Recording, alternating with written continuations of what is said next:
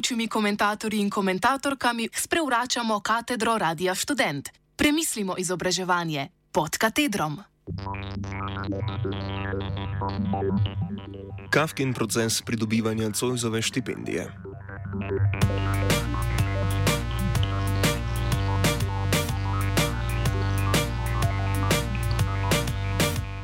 Kaj bi študentka brez štipendije?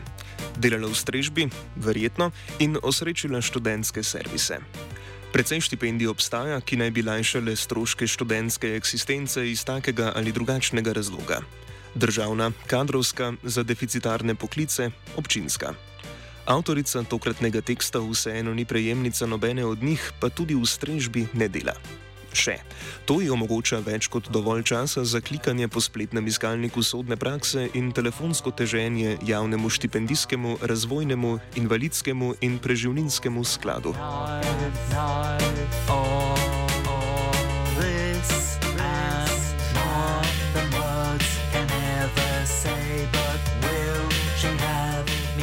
Menda je pri znanstvenem raziskovanju na začetku dobro razkriti svoje ideološke pristranskosti in subjektivne izprijenosti, tako da tukaj jih imate.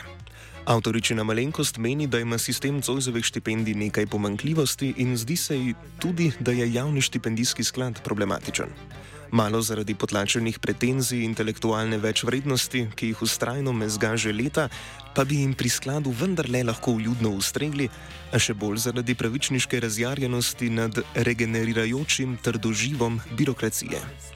Relativno samostojni štipendijski sklad najprej odloča o dijaških in študentskih prošnjah za štipendijo, Ministrstvo za delo, družino, socialne zadeve in enake možnosti ali MDDSZ pa na to razsoja o morebitnih pritožbah, če zavrnitve na skladu delijo nekoliko preveč vehementno.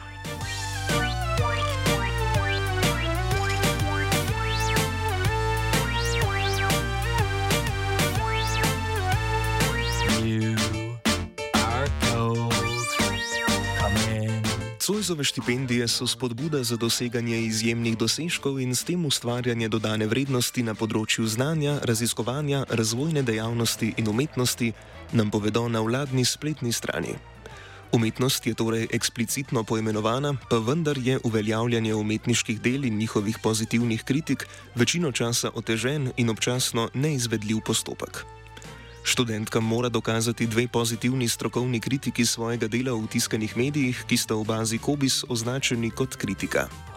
Da večina uveljavljene kritike poezije ne funkcionira po tipologiji dokumentov, predpisanih v pravilniku, lahko avtorica potrdi iz prve roke, z isto roko pa bi stavila, da imajo podobne probleme tudi dijakinje in študentke, aktivne na drugih področjih umetniškega udejstvovanja.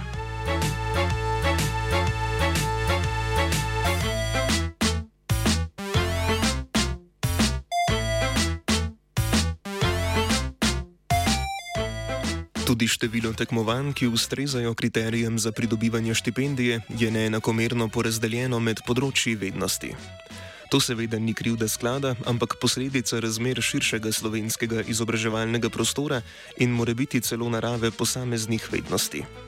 Vseeno pa lahko družboslovno usmerjenim bodočim srednješolkam v ustih pusti grenak pri okus zavedanje, da imata samo matematika in logika skupaj pet veljavnih tekmovanj, medtem ko imata slovenščina ali geografija po eno.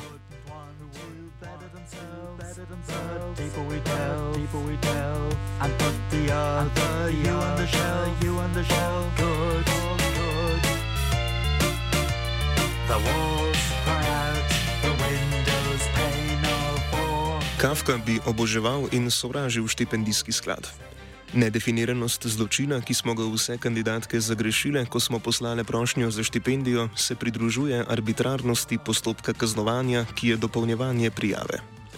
Občasno dosežek na istem tekmovanju z istimi veri financiranja velja eno leto, drugo leto pa ne. So se pač prvič zmotili. Hkrati za mednarodne tekmovanja včasih zahtevajo overjene prevode potrdil, če so originalno izdane v angleščini, spet drugič ne. Lansko leto je imela avtorica moč doživeti eno od takšnih situacij. Štiri študentke, isti izjemni dosežek. Dve morata vlogo dopolniti z overjenim prevodom, ki ustane skoraj celotno mesečno vsoto Cojzove štipendije, samo za možnost, da se sploh potegujete za njeno pridobivanje. Drugi dve študentki niso ista angliška potrdila stala nič, ker je tisti dan v tisti pisarni sedela zaposlena, ki angliščina bolj leži. You swore black was white, but there was no end in sight as you typed your life away. You won't come out with me. Višje delovno in socialno sodišče je v prvi polovici letošnjega leta v eni od sodnih obravnav, ki zadeva Cojzovo štipendijo, določilo, da pravilnik o dodeljevanju Cojzovih štipendij vsaj na enem mestu protizakonito ože določile zakona o štipendiranju in dodatno omejuje definicijo izjemnega dosežka, saj natančneje definira, kateri način javnega financiranja delajo neko tekmovanje veljavno. Zakoni imajo prednost pred pravilniki in slednji jih ne bi smeli ožati. Vsebina pravilnika do razpisa za leto 2022-2023 niso popravili. Edit, edit, just in case someone said it. Perfection without. Dodatna kafkajanska čednost delovanja štipendijskega sklada pa so časovni okviri pravnih postopkov. Tudi ob pozitivni razrešitvi prijav na razpis lahko dijakinja na svojo štipendijo računa z do nekaj mesečno zamudo, študentka pa še nekoliko dlje. Kako se preživeti teh nekaj mesecev, pač ni skrb štipendijskega sklada. Ob negativni razrešitvi pa se postopki razvlečajo preko vseh pesimistično pričakovanih meja. Avtorica prispevka na razrešitev svoje pritožbe, ponavljam, imam dovolj časa in trme, čaka še za študijsko leto 2021-2022, medtem pa se je odprl že razpis za novo študijsko leto. Mnogi od sodnih postopkov, ki so javno dostopni, v letu obravnave naslavljajo tožbe izpred leta ali dveh in so tako v zamudnosti primerljivi z ostalimi sodnimi postopki. Včasih pa sklad za vrnitev kakšne prošnje legitimira celo kar svojo lastno počasno obravnavo prijav. Pripnite se še za en pravni spor, tokrat takšnega izpred skoraj desetih let. Uhu!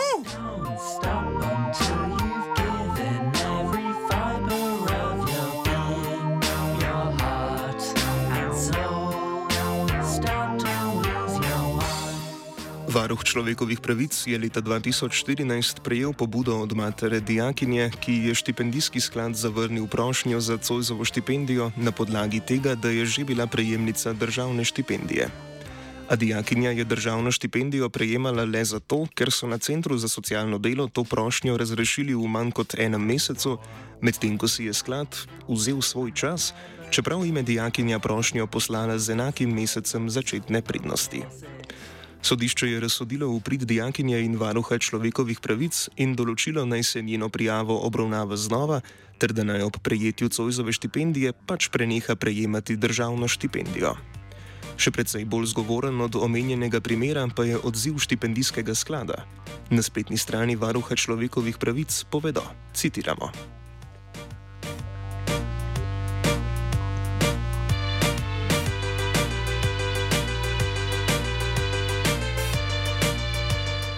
Ob tem pa naj dodamo še, da nas je v posebnem dopisu MDDSZ okrcalo zaradi našega posredovanja, čež da le to povzroči neenako obravnavanje strank, saj zaradi tega prednostno obravnavajo pritožbe tistih, za katere se zauzame varuh.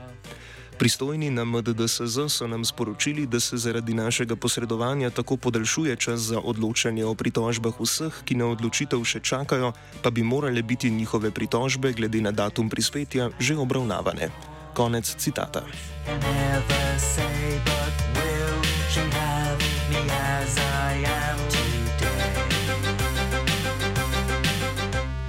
Kako si kdo drzne izpostavljati nepravilnosti v prepočasnih postopkih, ko pa so prepočasni in bodo zdaj še počasnejši?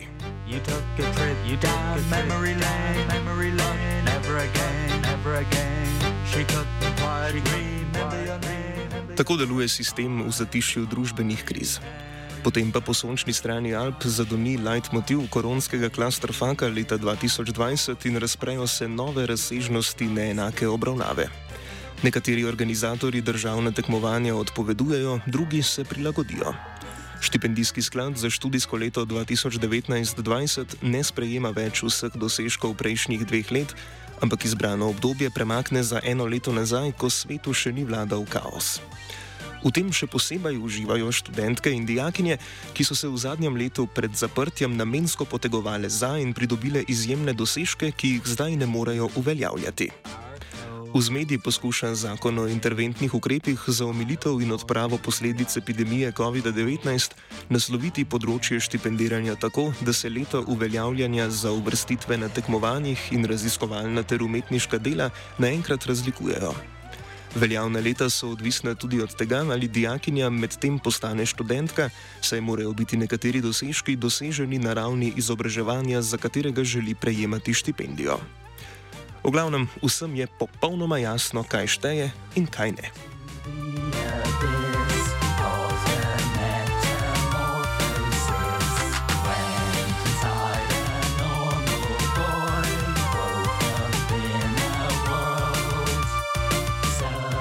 Med tekmovanji, ki so bile odpovedane zaradi pandemije, je bilo leta 2020 tudi državno tekmovanje iz geografije. Dijakinja, ki sodeluje v enem od javno dostopnih sodnih procesov Višjega delovnega in socialnega sodišča, ki so mi v zadnjih dneh pogrevali kri, je le prototip srednješolke za situacijo, katere sklad ne poskrbi. Uvrsti se na državno tekmovanje, ob njegovi neizvedbi pa se odloči uveljavljati kar območno uvrstitev na državno tekmovanje in območno srebrno priznanje.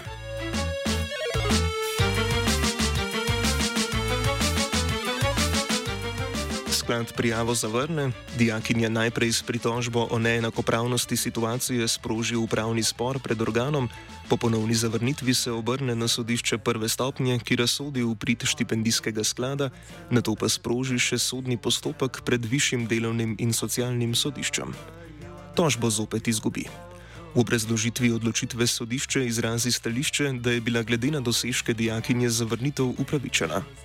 Da pa vprašanje, zakaj kljub temu, da v času državnega tekmovanja ni veljalo pandemično stanje, ni imela možnosti tekmovati in doseči državnega priznanja, ni del te sodbe.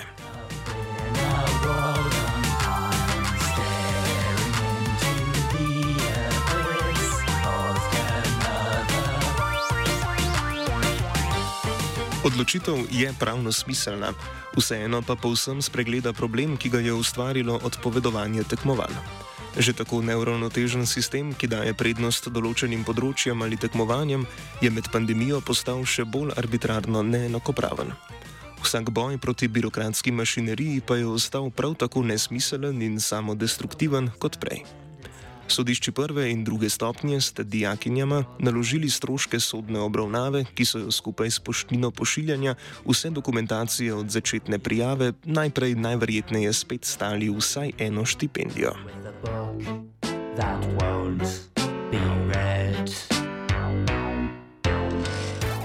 Vse to za bajnih 120 do 150 evrov na mesec, da na koncu vseeno končaš v strežbi.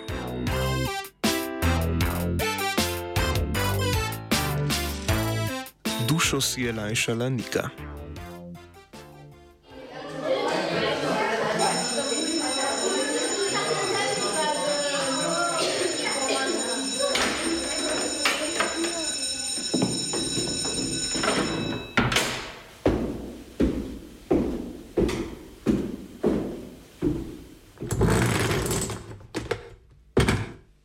Gostujočimi komentatorji in komentatorkami sprevračamo katedro Radia Student. Premislimo izobraževanje pod katedrom.